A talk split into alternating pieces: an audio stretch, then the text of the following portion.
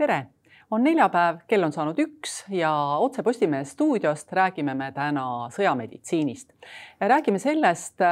mida on Ukraina sõjast Eesti meedikutel, aga ka kõigil meil õppida. ja meil on stuudios äh, sõjakirurg,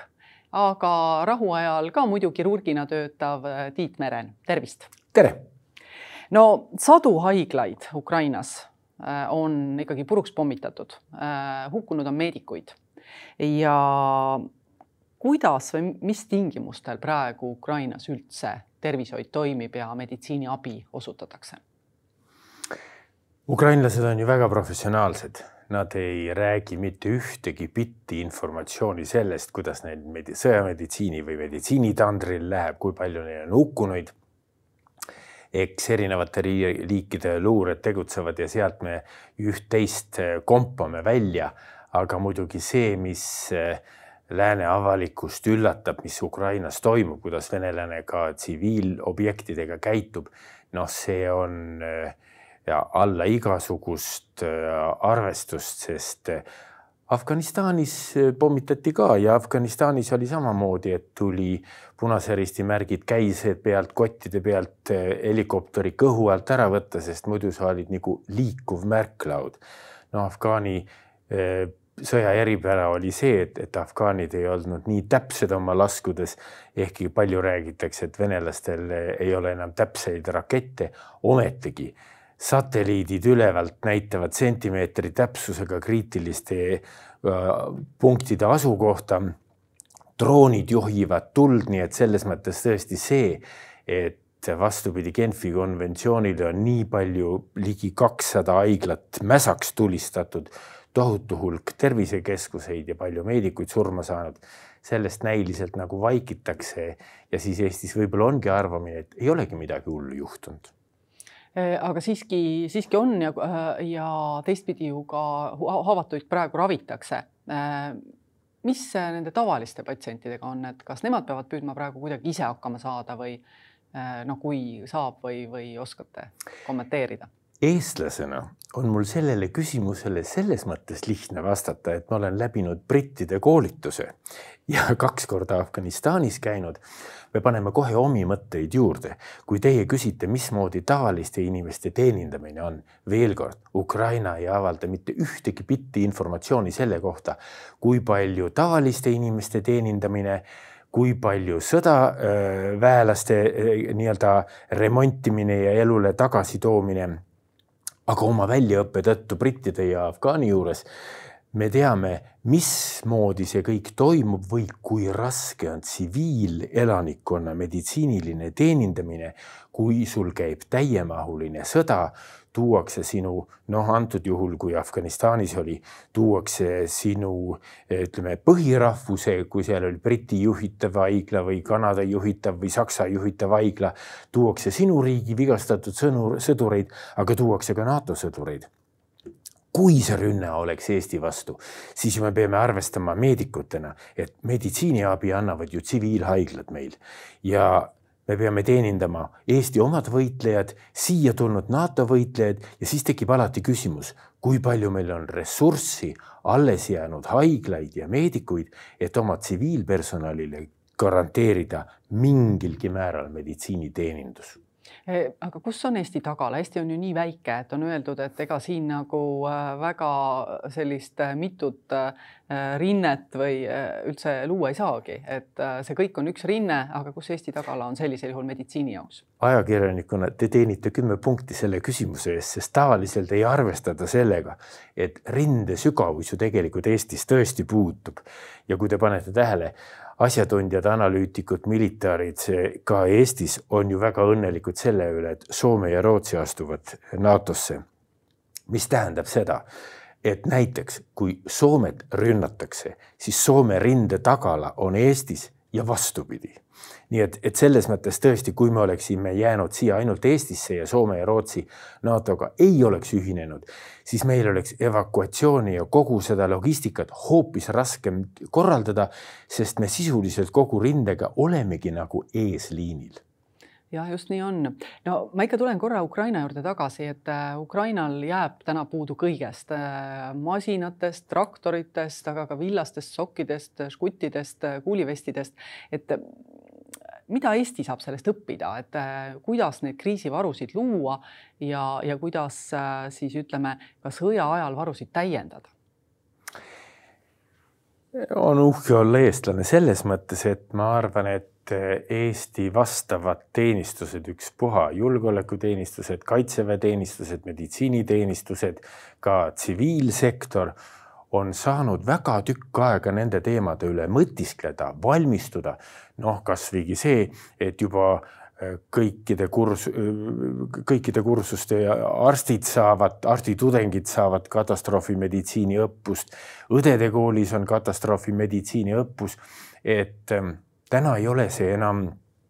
üllatus, et oi, meil võib-olla skutte ei ole või meil võib-olla neid või toida, toda rohtusid ei ole Eestis on see üsna hästi siiski läbi mõeldud. teine küsimus, kui suures mahus see kõik on õnnestunud ka korraldada. ja siinkohal ma kindlasti ei saa lõplikku tõde välja öelda, sest, sest need on tundlikud teated. aga, aga me me, me saame väga hästi aru selle kriisi sügavust arvestades, mis Ukrainas võiks vaja minna. aga kui te panete tähele, siis isegi need strateegilised analüütikud ükspuha kaitse poole pealt, tsiviilpoole pealt, kes Eestis ka avalikus meedias esinevad, nad kõik ütlevad, meie ei ütle, mida Ukrainal vaja oleks, me küsime, mida teil vaja on ja vastavalt sellele toimetame neid. et tegelikult on päris tervendav kuulata nende vabatahtlike intervjuusid, kes toimetavad neid tagavarasid ja varusid Ukrainasse. Nad räägivad ka väga napilt, väga professionaalselt, täpselt ei räägigi, nii peabki. aga, aga on arusaadav ka üksikutest kommentaaridest, millest on puudus ja mis on see meeleheite seis ja et, et, et kuidas, mis lülides peaks nagu aitama nii et, nii et tegelikult teie praegu rahustate Eesti rahvast ja ütlete, et see, mis juhtus meiega koroonakriisi alguses, et, et maske oli vähe äh,, olid äh, mädanenud äh,, säilivuse kaotanud, et nendest vigadest on Eesti õppinud ma jälgisin koroonakriisi algusest peale mitut eri riigi uudistekanalit nii-öelda kakskümmend neli seitse. Ja mõtlesin kogu aeg endamisi, et miks Eesti ametnikud äh, äh, üritasid viisakalt vastata nendele küsimustele, olekski võinud öelda, teate, see kriis tuli nii äkki, me ei tea selle kriisi kohta nagu terve maailm, meditsiinilises mõttes me ei tea midagi, me ei tea, alguses oli ju see küsimus, kas on maske vaja või ei ole maske, olekski võinud öelda maske on vaja tõenäoliselt, aga meil maske hetkel ei ole nii palju. inimesed oleks palju paremini seda mõistnud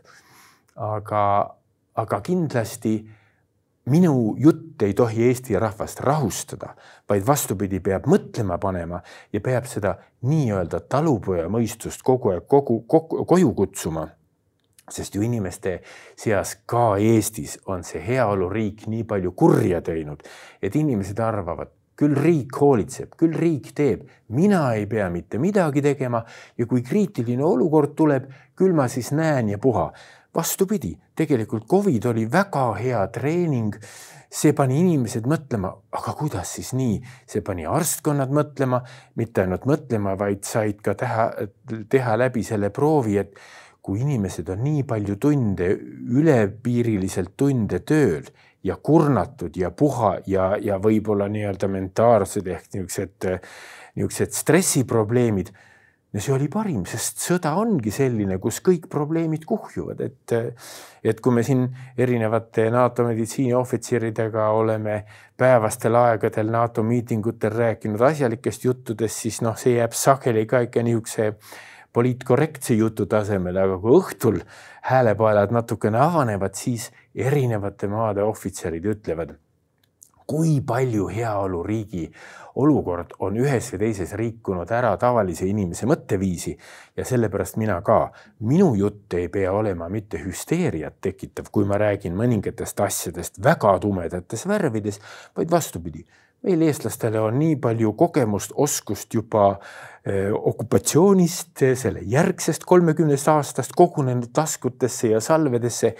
me teame küll, mida teha, kuidas teha, et pigem need tumedates värvides jutud on mõeldud laia avalikkuse informeerimiseks. kui tuleb kriis, kui antakse häire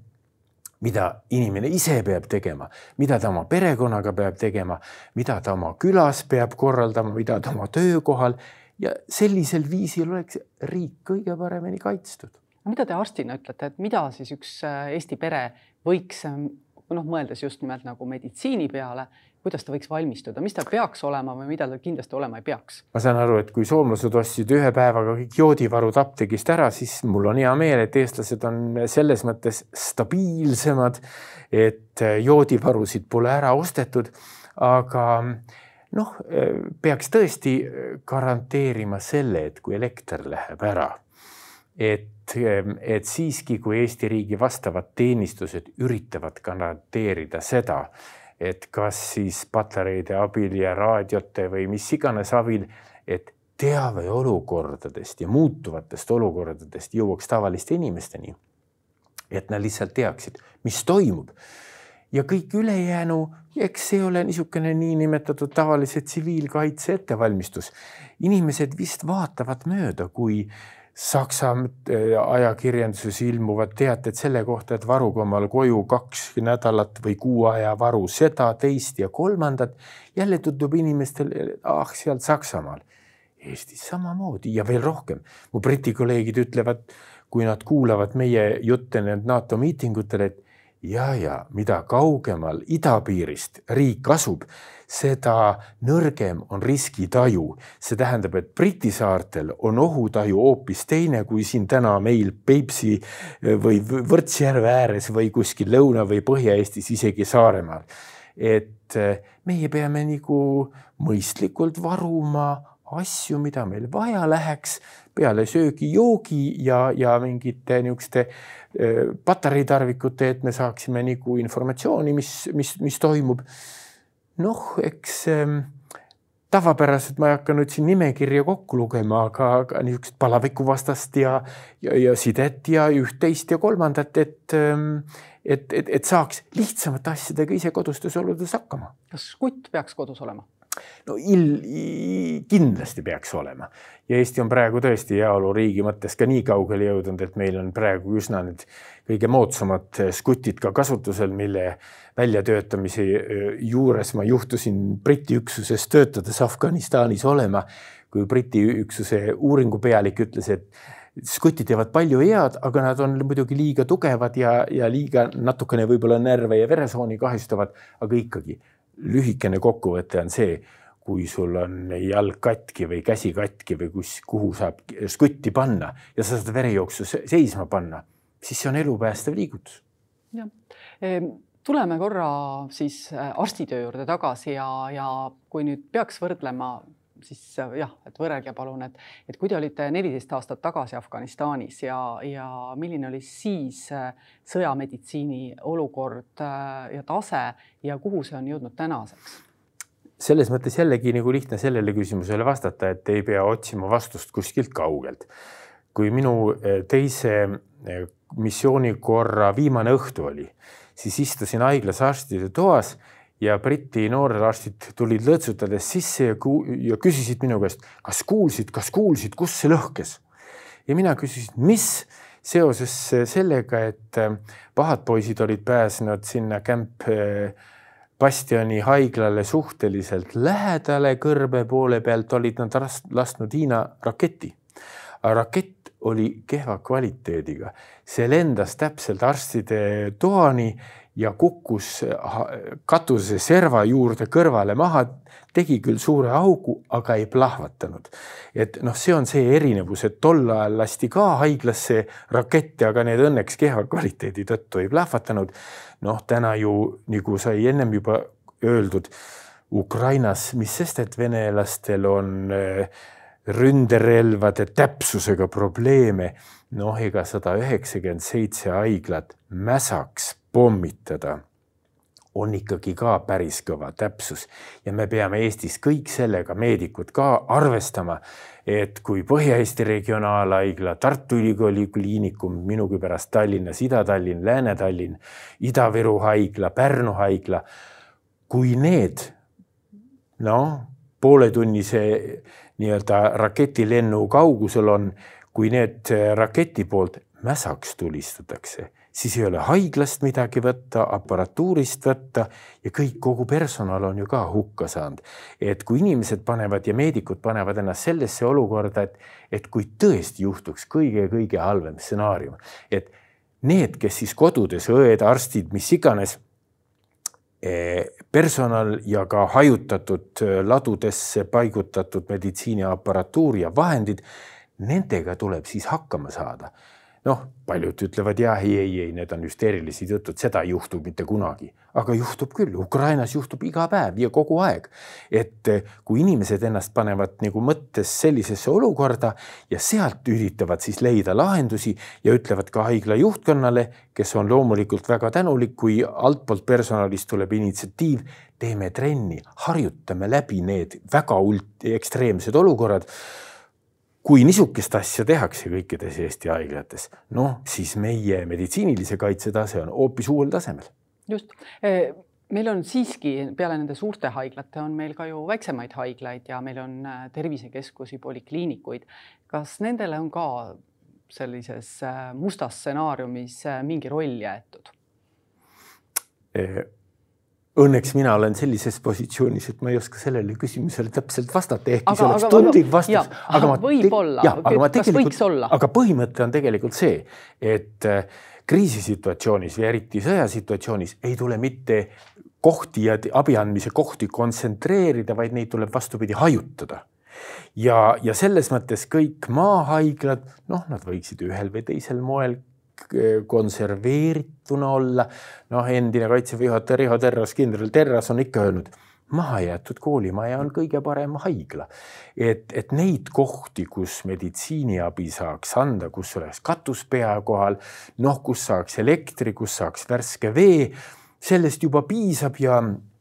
kuna meedikud ja ikka rohkem ja rohkem Eesti meedikud on, on harjunud selle põhimõttega, et, et tea, mis on ABC või abc, mis sa pead tegema, aga kui sa abc-d tead, siis hakka kohe improviseerima. et see ongi see olukord, mis, mis, mis siis kätte jõuab, kui suured haiglad näiteks mingil põhjusel on hävitatud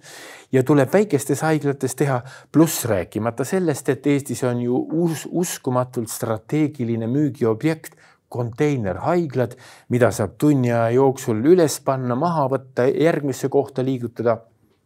jah, ja seda sai ka ju proovitud äh, Saaremaal. noh, seda on proovitud, äh, mulle ikka meeldib korrata neid konteinerhaigla spetside sõnu, kui nad läksid NATO-sse auditit saama ja kui sakslased tulid stopperiga, ütlesid, et mis eestlased panevad tunniga haiglasse ülesse, niikuinii valetavad. stopperiga mõõtsid ja sakslased jäid hämmingusse, sest stopper pandi kinni ja tund oli nagu otsas et, et noh, selles mõttes eestlased on, on, on, on, on kavalad, on oskuslikud ja on võimekad. no osa meedikuid äh, on ju, ütleme, kaitseväega sina peal ja, ja tegutsevad kas reservohvitseridena või, või kuidagi muul moel toetavad äh, kogu seda asja. aga ma usun, et haiglates ja üldse meditsiinis töötab enamik inimesi, kes äh, ei ole seda. et äh, kuidas, kui lihtne neid on kaasa tõmmata, kas see, et mis olukorras me praegu oleme, et, et noh, et hakkame nüüd nagu õppima, hakkame proovima, harjutame läbi, kas see on lihtne või, või ei ole? Eesti meedikud ja ka noorem põlvkond on ju väga hästi haritud, ka läänes äh, käinud ja tagasi tulnud oma koolituse jooksul. ja eks nendes on ikkagi juurdunud ka see põhimõte, et Eesti on ikka tsiviliseeritud riik ja siin nii palju noh, niisugust primitiivset hävitustööd juhtuda ei saa. ja, ja selles mõttes on kõige huvitavamad nagu pingpong pallivõistluse mõttes need diskussioonid noorte kolleegidega, kes on väga hästi haritud, aga kes ütlevad, et ei maksaks üle pingutada. noh, las siis on teatud tegelased, kes on haritud ja teavad, kui kriis tekib, kuidas ja mis ja ikkagi natukene levib ka see arvamine, et kaitseväe meditsiin, las nemad võtavad siis selle ülesande enda kanda sõjaolukorras. meie tsiviilmeditsiini poole peal, noh, kui see kriis satub ja, ja algab, meie siis teenindame seda tsiviilpoolt. ega neile pean tunnistama, kerge seletada ei ole, võid neid nagu nõusse rääkida, kuigi argumendid on väga lihtsad ja nad teatud hetkel nagu nõustuvad sellega, et esiteks Eestis kriisijuhtudes tsiviilhaiglad vastutavad meditsiinilise teenindamise ja kaitse ja vigastuste parandamise eest. Ja just nimelt tsiviilmeedikud on need, kes peavad, kes võiksid läbi olla käinud selle nii-öelda kriisitreeningu ja arusaamise, mis sest, et võib-olla kirurg anestesioloogiks ei hakka või, või, või sisearst ei peaks kirurgi äh, rolli täitma hakkama aga kui üheksas laine on üle käinud ja see suur haigla sinu lähedusest on hävitatud, noh, pole võimatu ka selline situatsioon. aga noh, teeme siis nagu jutu pehmemaks ja ütleme, et aga loomulikult meil on ka liitlased ja, ja, ja liitlaste eriteenistused küsivad nelja silma vestluses, et kuule, öelge nüüd täpselt kui palju te olete võimelised ise omalt poolt välja panema ka meditsiiniteenistuse mõttes, et me, et nemad teaksid, et kui väike riik ja väiksemad ressursid, et kui kõike ei suuda, et a, missuguse osa siis meie liitlased enda peale võtaksid, nii et selles mõttes meil on tegelikult usalduslik ja hea niisugune kontakt oma liitlastega, et ähm, et noh, kui ikkagi üheksas laine meist üle oleks käinud, siis me saame üksjagu ka oma liitlaste peale toetuda no mis juhtub ikkagi, kui nüüd see sõda hakkab äh, mingis väikses haiglas, EMO, äh, no kas need tädikesed istuvad ikka seal ooteruumis edasi ja ootavad, millal nende järjekord saabub, see kõige, kõige noh, ütleme, neil on mingi lihtne probleem ka tervisel, et. see lootus ongi ja tegelikult ega väiksemates äh, kohalikes haiglates ju on ka kriisi programm kirjutatud ja ümbriku pandud igal haiglal ja teatud mõttes on seal ikkagi võtmepersoone erinevate meditsiini erialade seas, kes teavad, mida teha, kuidas teha ja kui te küsite, et vabandust, et kuidas need tädikesed ja teised või kolmandad, noh, eks siis olegi juhtimisoskuse küsimus. Need võtmeinimesed, kes teavad, kuidas teha ja mida teha noh, siis nende juhtimisoskus pannakse proovile, et nemad peavad kiirelt mitte ise abi andma minema, vaid koordineerima kogu seda logistilist teenistust, sest ähm, sest äh, noh, suurte õnnetustegi, tsiviilõnnetuste puhulgi äh, aval, alati küsitakse, noh, et kui sa jät, satud arstina juurde, et kas sa lähed kohe esimese vigastatu juurde ja üritad abi talle anda, kui sa samal ajal näed, et neid on vist sadu või isegi vaata et tuhandeid, siis tegelikult, kui telefon veel töötab, see peaks võtma telefoni helistama siis mis iganes see juhtimiskeskus või mis iganes olema ja hakkama nagu, nagu dispetseriks. olen siin, koht on selline, näen seda situatsiooni, see on NATO standard, kuidas me raporteerime, mis on juhtunud, hinnanguliselt tundub, kui palju haigeid, noh, väga pilguga hinnates, missugune raskusaste, mis on inimesi veel, kes meditsiini poole pealt juba annavad abi või üldse ei ole see on see tähtis, see, et sa esimest ettejuhtuvat päästma lähed, tundub väga inimlik, aga tegelikult suures plaanis strateegiliselt täiesti vale otsus. sa pead olema automaatselt see nii-öelda informatsiooniallikas, kes ütleb sellises kohas selline katastroof, raskusaste, selline tundub mulle, et ja vot nii, nii, nii me vajame. see on see, kuidas neid kriise saaks siis ka nende tädikeste abil lahendada. ja ma pidasin tädikeste all tegelikult silmas seda, et no inimene tuleb, tal võib-olla kusagilt selg valutab või puus valutab ja tahaks, et arst võib-olla teeks pildi ja, ja vaataks üle või no ütleme. see on muidugi hea küsimus, sest inimeste ootus, aga minul valutab see või teine, miks te mind ei teeninda? vaat see on nüüd jällegi, kas need jutud on avalikkuse informeerimiseks selles mõttes et kui kriis on sündinud, siis kallid inimesed, me peame aru saama.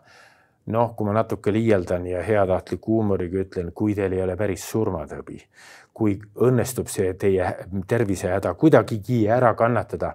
teid ei ole võimalik ei esimeses, teises ega kolmandas järjekorras ette võtta. kui peaks olema koht, kuhu saabuvad lennukitega, millega iganes paremalt ja vasakult tohutult lõhki purustatud inimkehad ja kus tuleb vahet teha, keda suudame, keda ei suuda sisuliselt paremale, vasakule, paremale, vasakule. ja kui inimene tuleb seal nagu täna on, et eh, kui tavalises tsiviilhaigla polikliinikus kuulad vastuvõtul inimene ütleb, et ah, mul oli seal natuke selg valutas, ma läksin EMO-sse, nad ei teinud minuga midagi. loomulikult ei tehta sinuga midagi EMO-s on ka hädaliste järjekord vastavalt sellele, kui raske on vigastus. et sõja ajal peavad kõik inimesed arv, arvestama, et tsiviilisikute meditsiiniteenistusel on omad suured limitatsioonid. mind tõsiselt üllatab, kui rahvusvaheline telepilt näitab Ukrainat kiirabi, tsiviilkiirabid liiguvad, tuletõrje liigub, tundub, et päästemeeskond, alles on rakett tabanud elamut, juba kustutatakse, juba taastatakse midagi. ma arvan, et BBC alles eelmine nädal näitas, kus kas oli see koolimaja või haigemaja juurde tuli suur rakett, kohutav kraater, teed olid rebitud kõik minema ja siis öeldi ja paar päeva hiljem kraater on täidetud, kivid taastatud, käib liiklus juba seal peal, et kuidas Ukraina sõja, sõjategevusele lisaks suudab seda tsiviilelanikkonna teenindamist nagu jätkata, et see on müts maha ja, ja noh, paneb veel meie tsiviilsektori poole vaatama, et laiapindne riigikaitse ei ole mitte ainult sõjategevus, vaid kõik riigi instantsid, ministeeriumid, haldusalad, kõik võtavad riigikaitsest omal moel osa. no üks asi, mis äh, alati võib seda takistada, on lihtsalt lihtlabane surmahirm. Ehm, mis soovituse te annate selle kuidas ma ütlen, vastu äh, või sellega hakkama saamiseks, sest selge see, et hirm paratamatult ikka tekib, et see on normaalne. ega tegelikult, kui, kui inimesed jälgivad tähelepanelikult näiteks rahvusvahelist telepilti ja kui te vaatate, kuidas intervjueeritakse Ukraina inimesi, naisterahvaid, vanemaid naisi loomulikult esimene šokk, nad räägivad sellest, ai, lennukid lendasid, oi, tulistati, oi, õudne, kõrval, kõrval nii-öelda püstakus suri see, hukkus see, teine, kolmas. aga selleks hetkeks, kui nad nagu intervjuud annavad, noh, nad üsna alguses ütlevad kohe, Ukraina võidab et tegelikult lööb hoopis välja niisugune noh, inimlik enesekaitserefleks, nagu see looduses on. et, et noh, kindlasti alguses on kohutav ja kui sinu lähedastest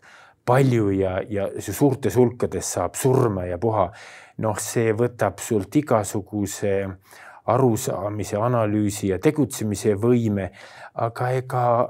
vastukaaluks tekib inimesel tõenäoliselt suhteliselt suurt, suures hulgas inimestel niisugune võitlusvõimekus. et, ähm, et noh, siis on pigem see, et, et kui oleks siis veel inimestele neid õpetussõnu, et kuidas neid siis taastekkinud võitlusvõimega, et kuidas neile juhtnööre anda, mida oleks mõistlik neil teha ja mida lasta igasugustel muudel riigiteenistustel teha? Ehm, no eestlastel vist see ikkagi on kuskil äh, kuklas olemas see võime kuidagimoodi reageerida oludele ja kuidagimoodi hakkama no, saada. ei saa, ma pean tunnistama, et ei saa üleliia optimist olla, sest alles eelmisel nädalal NATO miitingult Soomest tulles ja Soome eh, ohvitseridega rääkides Soome, kes, eh, kus inimesed on harjunud laanes elama ja suusatama ja öösel lõket tegema ja see, et, et nooremad või vanemad inimesed lähevad eh, näiteks ka peavad õhtul ja öösel metsa jääma, teevad lõket ja, ja suudavad üle elada selle perioodi soomlased ise ütlevad, et nende noortel on need lihased harjunud, mis klaviatuuri liigutavad. et ega see heaoluühiskond on halvanud ka Soomes, sellises riigis, kus ollakse loodusega üsna hästi sina peal. ja on kahjuks tekitanud olukorra, kus väga paljud inimesed on nagu oskamatud, et me peaksime ikka ja ikka neid noh, nii nagu Eestiski Päästeamet kirjut-, trükitakse leheski, et vot need on need kümme punkti või mis iganes, tehke seda, tehke toda, tehke kolmandat ja inimesed katsuge siis oma perekonna ja äh, heaolu ja ellujäämise nimel neid asju lugeda ja neid asju läbi mõelda. No olgu, loodame, et siis võimalikult paljud loevad ja mõtlevad läbi ja ka tegutsevad vastavalt ja suur aitäh doktor Tiit Meren täna saatesse tulemast ja soovin ainult seda, et suudaksite võimalikult paljud meedikud siis oma poolele rääkida ka nooremad, nii et, et me oleksime sõjaks ja kriisideks paremini valmis, aitäh! aitäh! ja aitäh ka kõigile kuulajatele-vaatajatele homme juba uued Otse Postimehe saade ja niikaua lugege palun uudiseid www.postimees.ee. kõike head teile